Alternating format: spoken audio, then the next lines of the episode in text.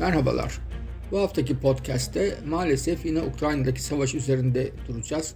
Çünkü savaş e, hızını arttırarak e, devam ediyor ve bu yüzden de biraz daha e, Ukrayna'daki savaşı ele almamız e, gerekiyor. Bilindiği gibi e, savaşın çıkacağını Amerikan ve İngiliz istihbaratı biliyordu. E, gördüler, dinlediler, e, takip ettiler.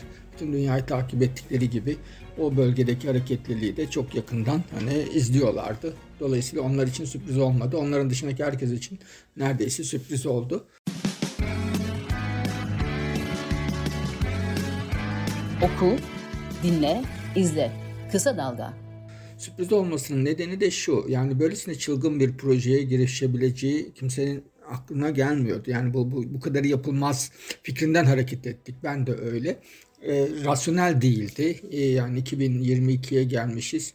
E, bir ülke topyekün, e, kocaman Türkiye büyüklüğünde bir ülke topyekün e, işgale uğruyor. E, hangi gerekçeyle olursa olsun hani meşrulaştırması da çok zor. ikna etmesi de çok zor. E, stratejik açıdan da askeri açıdan da çok sıkıntılı bir süreç. Bunun e, dünyadaki jeopolitik dönüşümün öncü şoklarından biri olduğunu düşünüyorum. Bunu biraz bunun üzerinde duracağım. İkincisi de bunun bir ideolojik mücadelenin de parçası olduğunu düşünüyorum. Bu kısmına çok fazla değinilmiyor. Yani Amerikan sisteminin, yani Batı'nın aynı zamanda bir e, Avrasyacılık, Avrasyacılıkla da hesaplaşması olduğunu e, düşünüyorum ve bunu savunacağım. Şimdi büyük güçler yerel savaşlar yaparlar. Birbiriyle savaşmazlar. E, birbirle, birbirleriyle savaşmaktan kaçınırlar. E, dolayısıyla da hani dünya siyasetindeki e, askeri güç kullanımlarını genelde yani daha küçük güçler üzerinden yürütürler. Bu savaşları kazanan da olur, kaybeden de olur. Onlara daha az etki eder. Mesela işte Amerika Vietnam'da yenilmiştir. 91'de Irak'ta yenmiştir. 2003 karışıktır. Ee, Sovyetler Birliği Afganistan'da açık bir yenilgiye uğradı. Şimdi burada önemli olan hani savaşın kendisinden tabii yarattığı korkunç insani kayıplar, tahribatlar onları bir kenara koyuyoruz yani analiz yapmak açısından. Mesele şu orada. E, şimdi bu yenilgi ya da bu askeri e, işgal operasyonlarla sonuçlarıyla bir büyük gücün ne ölçüde baş edebildiği. Amerika bunların hepsini tolere edebiliyor. Yani bunun psikolojik etkilerini de, Amerikan karşıtlığını da, e, ekonomik sonuçlarını da, siyasal stratejik sonuçlarıyla da baş edebiliyor. Şimdi Rusya bu çapta bir ülke değil. Yani Rusya'nın sorunu o. Rusya'nın dünya sistemi içindeki yerine değinmek gerekiyor. Şimdi bir defa Putin'in e, savaş öncesi yani Ukrayna gerilimi sırasında hatta bir süredir yani Avrupa ile Amerika arasında Atlantik'in iki tarafındaki ayrımı, çekişmeyi e, biraz gözünde büyüttüğünü anlıyoruz. Şimdi bir defa Rusya ekonomik kapasite olarak e, Batı'yı anlayamamış gibi duruyor. Yani tamamen iktisaden çok büyük ama e, bir şey bir işe yaramaz. Hani bunu gücü kullanmadığınız sürece bir anlamı yoktur diye düşünüyorum. Oysa Batı yani bütün bu Avrasyacıların tezleri falan bu, bu konuda çok şeydir, çok zayıftır.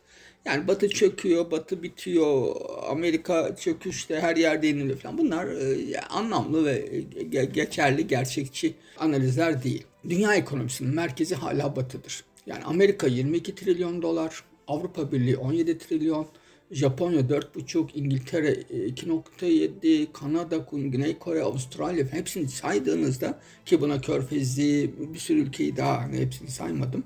Şimdi Batı sistemi içindeki ülkeleri, Meksika'yı, Brezilya'yı falan saydığınızda yani ortaya devasa bir ekonomik büyüklük çıkıyor. Yani bunlar bir araya geldi mi dünya ekonomisi oluyorlar. Ya şimdi orada tabii Hindistan var, e, Çin var falan da onların da ekonomileri batıya bağımlı. Yani şimdi Amerikan pazarı olmadan dünya ekonomisi yaşayamaz. Şimdi Rusya ise 1,5 trilyonluk bir ekonomik büyüklüğe sahip. Yani Amerika'nın Kaliforniya eyaletinin yarısı kadar Rusya'nın ekonomik büyüklüğü. Yani bir eyaletinin yarısı kadar. Yani tabii Kaliforniya en büyük eyaletidir. Ya da İspanya kadar. Şimdi bu bu ölçekte bir ekonomik büyüklüğe sahip bir ülke ben dünya gücüyüm diye dünya sahnesine çıkıyor. Amerika ve Çin'le aynı eşit statü istedi. Şimdi burada bir sorun oldu. Rusya tabii ki işte Putin'e yakın oligarklar üzerinden e, yeni bir model geliştiriyor Putin.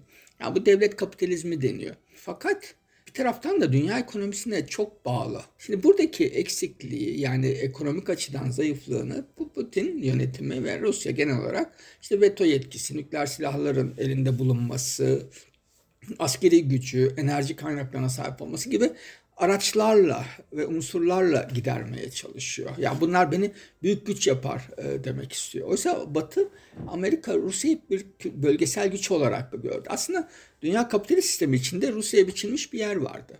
Dediler ki sen Avrupa kapitalizmine ucuz ve kesintisiz enerji sağlayacaksın. %150 milyona yakın nüfusun var. iyi bir pazar olacaksın. Enerjiden elde edilen parayı da Batı sistemi içinde tutacaksın. Bu yazılı olmayan bir pazarlıktı. Ve Rusya buna uyduğu sürece aslında sorun yok. Yani Batı sistemindeki o, o hiyerarşide yer aldığınız sürece size çok fazla ses çıkarmıyorlar aslında bakın. Mesela Grozny yerle bir etti e, Putin. Ermeni-Azerbaycan çatışmasını çok rahat manipüle ediyor. İstediği gibi yönlendiriyor. Orta Asya arka bahçesi. Gürcistan'a girdi. Kırım'ı aldı. Libya'nın 2011'de bombalanmasında Amerika ile işbirliği yaptı falan. Buralarda ses çıkarılmıyor. Yani şöyle çıkarılıyor, eleştiriliyor, yaptırım uygulanıyor falan ama bunlar hep tolere ediliyor. Yeter ki bu büyük pazarlığın parçası ol. Bir de hani çok sıkıştırmıyorlardı çünkü Çin'e yaklaşıyor. Mesela 2010'lara kadar Rusya'da batılı şirketlerle ilişkilerin gelişmesini Amerika destekliyordu. Çünkü bağlantısı batıyla e, olursa bu bunu Amerika tercih ediyor. Yani Çin'e yakın olacağını, iktisadi bağları tür şeyle olsun, e, batılı şirketlerle olsun, batılı ülkeleriyle olsun. Mesela Total, Eni, BP, Alman enerji şirketleri hepsi Rusya'nın enerji sektörüne büyük yatırımlar yaptılar. Yani milyarlarca dolarlık yatırımlar bunlar. E, fakat e, Rusya askeri olarak yani hamlelerini arttırınca ve Çin'e yaklaşmaya başlayınca daha doğrusu Avrasyacılığın etkisine girmeye başlayınca Amerika mesela kendi şirketlerini Rusya'daki faaliyetlerden çekmeye başladı. Yani izin vermiyordu. Şimdi bir de şöyle bir akıllıca yöntem izlemeye çalıştı e, Rusya Putin yönetimi. Enerji şirketleri, enerji şirketlerinin yöneticilerini Rus enerji şirketlerine dahil ediyordu. Yani emekli olanları ya CEO yapıyor Rus enerji ya da yönetim kurulu üyeliği falan veriyor. Böylelikle Avrupa eksenli kapitalist elit sınıfla kendisi kendi enerji şirketleri arasında bir e, simbiyotik bağ kurdu Putin. Akıllıca bir siyaset.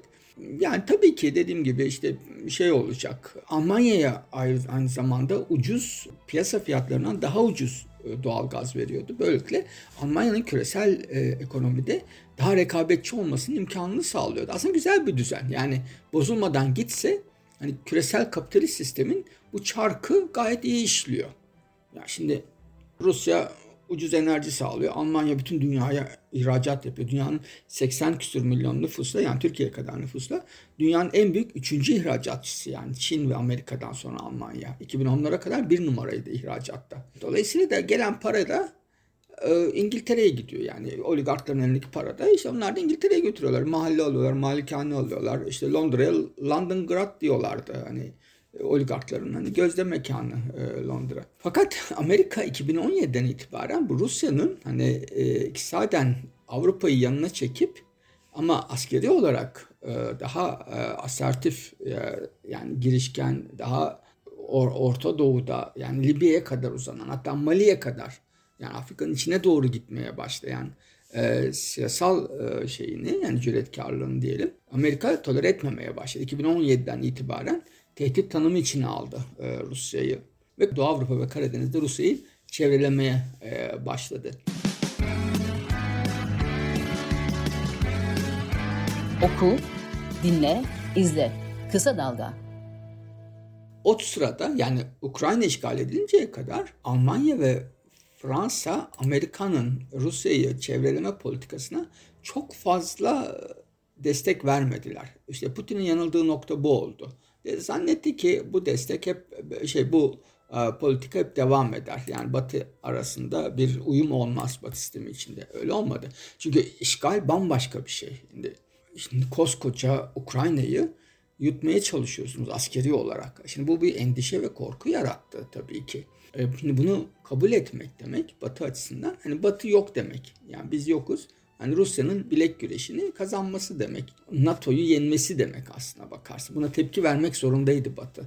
Ya bunu hani real, real politik açıdan tanımlamak gerekiyorsa hani böyle böyle olur. Ve Batı Rusya'ya karşı bir yaptırım başlatmadı.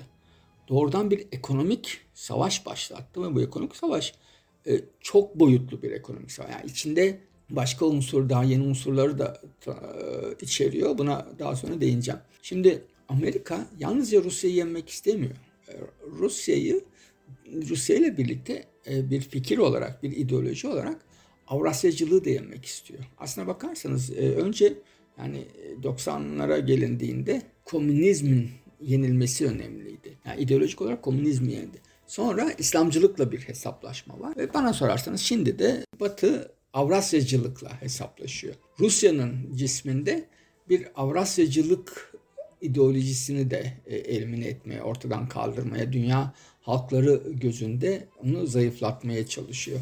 E, çünkü son dönemde Putin yönetiminin de Avrasyacı eğilimleri artmıştı. Yani Çin'e daha fazla hani e, yanaşmaya başlamıştı. Ve bu çerçevede yani neredeyse Putin'in e, Milosevic'leştirildiğini görüyoruz ve bunu daha çok göreceğiz. Bir defa Amerika Ukrayna işgalini biliyordu. Bunu bunu biz de anladık ve uzun süredir biliyorlardı ve bütün Ukrayna savunma stratejisini buna göre belirlediler. Yani tank savar ve omuzdan atılan Stinger füzeleri veriyorlardı. Hani uçaklara, uçak savar olarak. Şimdi tabii ki Ukrayna ordusu Rus ordusuyla meydan savaşı yürütemezdi. Böyle bir imkan ve kapasitesi yok. Fakat şunu e, yani kanallarda izliyorum. Yani Amerikalı uzmanları, askerleri, generalleri falan. E, Rus savaş taktiklerini çok iyi biliyorlar. Yani çok çalışmışlar, görmüşler, incelemişler falan. Yani ne zaman ne yapacağını biliyorlar. Ve e, Rusya'nın sınırlı bir harekatla başlayıp o ilk başta bahsettiğim sonra giderek bunun dozunun artacağını yani başaramadığında ateş gücünü yükselteceğini, bunun şehirleri kapsayacağını falan gayet iyi biliyorlar. Öyle görünüyor ve işte Grozny ile Halep arası bir stratejiye doğru kayacağını biliyorlar. Bu da müthiş bir enformasyon ve moral üstünlük verdi Batı'ya. Yani dediler ki bakın bu kardeş bir halkı bile yerle bir ediyor. Yani yerinden ediyor, öldürebiliyor. Çünkü Putin'in içinde bir imaj kaygısı kalmadı artık. Bütün derdi yani imaj mı stratejik hedefe ulaşmak mı? Tabii ki stratejik hedefe ulaşmak. Öteki türlü kaybet kaybet olacaktı. Yani biraz daha temkinli gitseydi hem gene işgalci, işgalci olacaktı ama aynı zamanda da sonuca ulaşamayacak. Şimdi sonuca ulaşayım, askeri hedeflere ulaşayım. İmajım giderse gitsin e, pozisyonuna kaydı. Şimdi Batı Rusya'yı küresel denklemden düşürmeye çalışıyor. Tabii ki Rusya Ukrayna'yı yener. E, yani askeri o, o askeri gücü var. Hepsini kullanırsa yener. Ne kadarını kullanacağına bağlı. Ama bu taktik bir kazanım olup küresel ölçekten bakıldığında stratejik bir kayıp olacak. Yani mesela şöyle düşünelim. Rusya bütün Ukrayna'yı ele geçirdi. Kiev'i aldı ama bütün şehirlerde yerle bir oldu. Binlerce insan öldü. Yani şimdiden 1 milyon 200 bin insan ülkeyi terk etti. Peki oraya kendisine bağlı, kendisine yakın işte komşu Lukashenko gibi bir lideri koydu. Nasıl yöneteceksiniz? Yani yerle bir ettiğiniz bir ülkeyi sonra ne diye yöneteceksiniz? Yani ne yaptık diyeceksiniz? Bizi kışkırttı mı diyeceksiniz? Amerika için sorun yok değildi. Amerika Vietnam'ı yerle bir etti. Napalm bombaları kullandı. Irak'ı vurdu, işgal etti. Afganistan'ı öyle. Ama çekildi gitti. Şimdi Rusya öyle değil ki. Rusya diyor ki burası kardeş halk diyor. Burası bizim tarihi topraklarımız diyor. Yani kendini vuruyorsun. Bu inanılmaz bir şey. Çok rastlanan bir strateji değil aslına bakarsanız. Dolayısıyla da bütün dünyaya bunu bakın Rusya kendisinin kardeş bir halkı bile, kendi parçasını bile, tarihi parçası, toprak parçasını bile nasıl yerle bir ediyoryu bütün dünyaya gösteriyor. Yani günümüzde biliyorsunuz akıllı telefonu olan herkes aslında bir savaş muhabiri. Yani savaş muhabirinin giremediği yerlerde bulunuyor insanlar. Dolayısıyla bunu bütün dünyaya gösterme imkanına sahip şu anda. O yüzden de bu nasıl bir e, strateji eksikliği hakikaten anlayamadım. Yalnızca Rusya'yı ekonomik olarak sıkıştırmakla değil, fikir olarak yani mesela sanat olarak, tarih olarak bütün dünyadan çökertmeye çalışıyor. Yani Rusya şiddet eşitliğini kurmaya çalışıyor Batı. Evrensel olmayan yani mesela Avrasya İslamcılık gibi Avrasyacılığı da bir saldırgan ideoloji olarak dünyaya gösterme imkanı buldu. Ve bu Biden'ın son dönemde geliştirdiği stratejiyle de çok yakından ilişkili. Yani Biden dünyayı otoriter ve demokratik rejimler arasında bölmeye çalışıyordu. Bakın işte otoriter rejimler işgal ederler ve yerle bir ederler ülkeleri deme imkanı buldu. Amerika'nın kendisi bile 2003'ten bu yana topyekun ülke işgal etmiyor artık. O sondu. Hatta çekiliyor. Bunun getirdiği sorunları fark ettiler.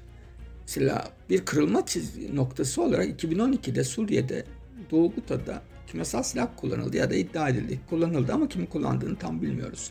Amerika bunu kırmızı çizgi ilan etmiş. Dedi ki kırmızı kimyasal silah kullanılırsa müdahale ederim. Ama etmedi Obama. Çok eleştirildi. Onun yerine arkadan liderlik yani leading from behind stratejisini uyguladı. Amerika topyekün bombalama, topyekün işgal politikalarını bıraktı. Daha düşük maliyetli siyasetlere, siyasete geçti. Şimdi Rusya bu hikayenin sonunda kötü bir hikaye tabii ki bir trajedi. Ee, askeri gücünü kullanarak lig atlamak isterken bir alt lige düşme riskiyle karşı karşıya geldi. Bu Batı'nın ekonomik saldırısının etkisiyle de kendisini daha net belli edecek. Çin ise bu çöküşü izliyor. Rusya'nın çöküşünü izliyor. Yapacağı fazla bir şey yok. Sabır siyasetine devam ediyor. Diyor ki uzun vadede ben kazanırım. Acelem yok.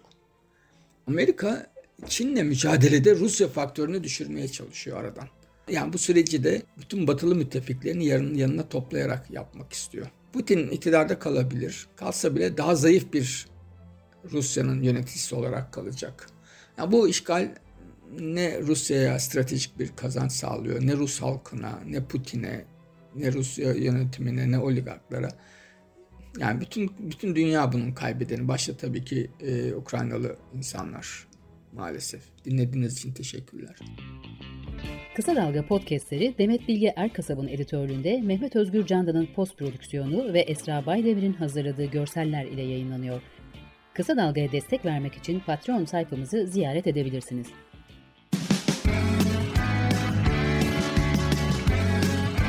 Oku, dinle, izle. Kısa Dalga.